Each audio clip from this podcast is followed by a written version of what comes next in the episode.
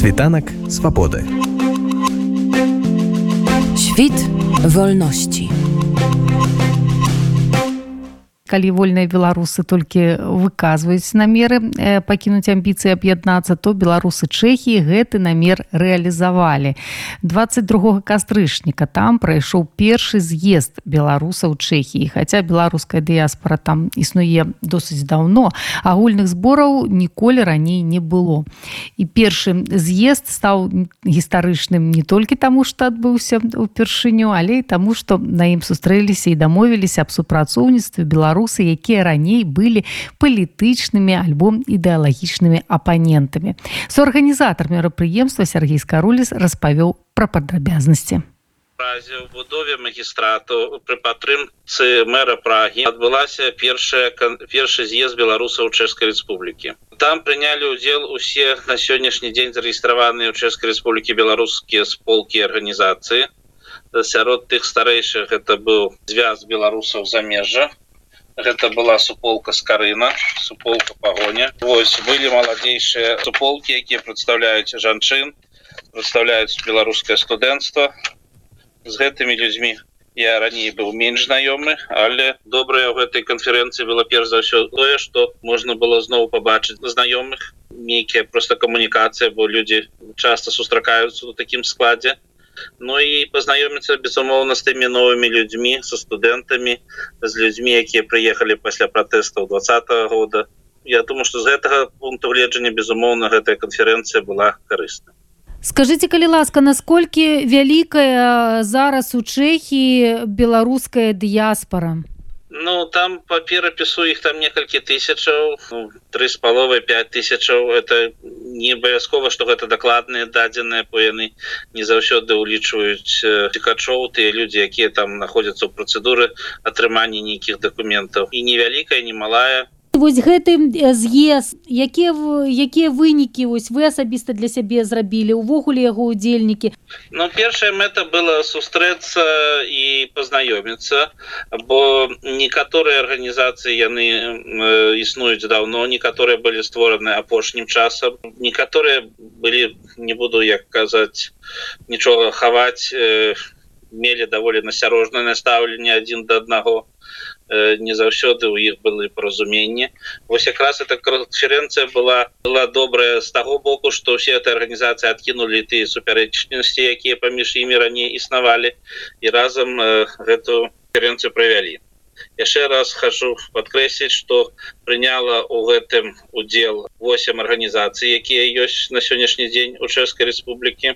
гэта асвета ну суполка с карына суполка пагоня э, звяз беларусаў замежжа э,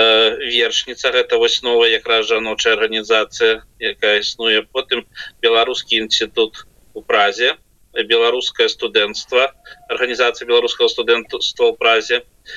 потым беларускае танцавальнае таварыства у празе і прага супорт тым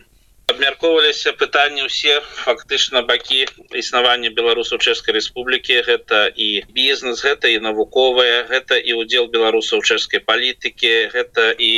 доступ беларусаў да банкаўскіх нейкіх ресурсаў. Гэта і праграмы якія існуюць на падтрымку беларусаў як меншаны якая была одна з нацыянальных меншин офіцыяльна прызнаных у чэшскай Республікі абмяркоўвалі то якія цяжкасці ёсць абмяркоўвалі як это цяжкасці пераадолець. Ну і зразумела значная часть канферэнцыі было ад гэтага нікуды не дзенешся была прысвечана сучаснай сітуацыі в Украіне і чым беларусы як дыяспора может дапамагчы Украіне у іх барацьбе з нашим агульным агрэсарам і якія і для беларусі і для украины ён один гэта імперская россия ось усе гэта пытанне мы абмяркоўвалі ну, і напрыканцы прынялі нейкую заяву удзельнікаў першага з'езд узровень быў вельмі добры падрыхтаванне было вельмі шыкоўнае бывалася ў будынку магістрата прагі вось на марыянскім намесці перш за ўсё было заслуга тое что прыматара прагі то есть мэра э, які на сённяшні дзень прадстаўляе піратскую партыю дарэчы прысутнічаў там і Андрей ромашеўскі гэта адзін з беларусаў якія знаходзяцца ў кіраўніцтве гэтага партыі якія як і радзей можа больш такія старэйшыя слухачы памятаюць такую партыю аматараў піва за яе акцыямі якая была в 96 годзе. І гэта Андрей ромашевскі ў свой час быў адным з першых палітычных везняў беларусі якія за палітычную акцыю сядзеў у турме. Вось ну зараз ён жыве ў чэхі але пра заняцце палітыкай ён не скончыў і дасціг нейкіх поспехаў уже як чэшскі палітык. Ну усе мы упэўнены што некалі гэта нам прыгадзіцца і на бацькаўшчыны гэты досвед Сергей вось вы э, трапна заўважылі што насамрэч э, беларусы чэхіі такі добры прыклад падалі іншым беларусам іншым беларускім дыяспорам у розных краінах э, Таму што насамрэч аб'ядналіся разам і прадстаўнікі старой апазіцыі і ведаю што прысутнічалі прадстаўнікі пераходнага кабінета зараз. Ну то бок такі вельмі прыгожы і годны працэс і палітычны і сацыяльны адбыў адбываецца. Скажитеце вось па выніках гэтага з'езду па адпаведна ў той рэзалюцыі што вы прынялі якія зараз будуць сумесныя крокі і якія пытанні будуць ну у першую чаргу вырашацца сумесна? Ну павінны адбывацца крокі. Яны могуць быць удалымі ці неўдалымі але яны павінны быць у патрэбным кірунку. Вось беларусы павінны зразумець што трэба адкидывать усе супярэчнасці паміж пераходным кабінетам паміж беларускімі добраахвотнікамі якія ваююць на баку Украіны зараз яшчэ не трэба забываць такі пласт як беларускія палідвезні якія будуць выходзіць якія таксама будуць мець пэўны погляд на рэчы якім уже не супадаць ні з пераходным кабінетам не з тымі добраахвотнікамі але в зараз не час дзяліць пасады а час рухацца ў накірунку. І першая першапачатковай задачай канешне нанесці параду рассіі як імперскай дзяржавы якая на сённяшні дзень паражае існаванню як беларусі так і украін а астатнія супярэчнасці я думаю яны потым вырашацца ў працоўным парадку. Калі пазбавіцца дыктатуры ад расійскай агрэсіі то я думаю что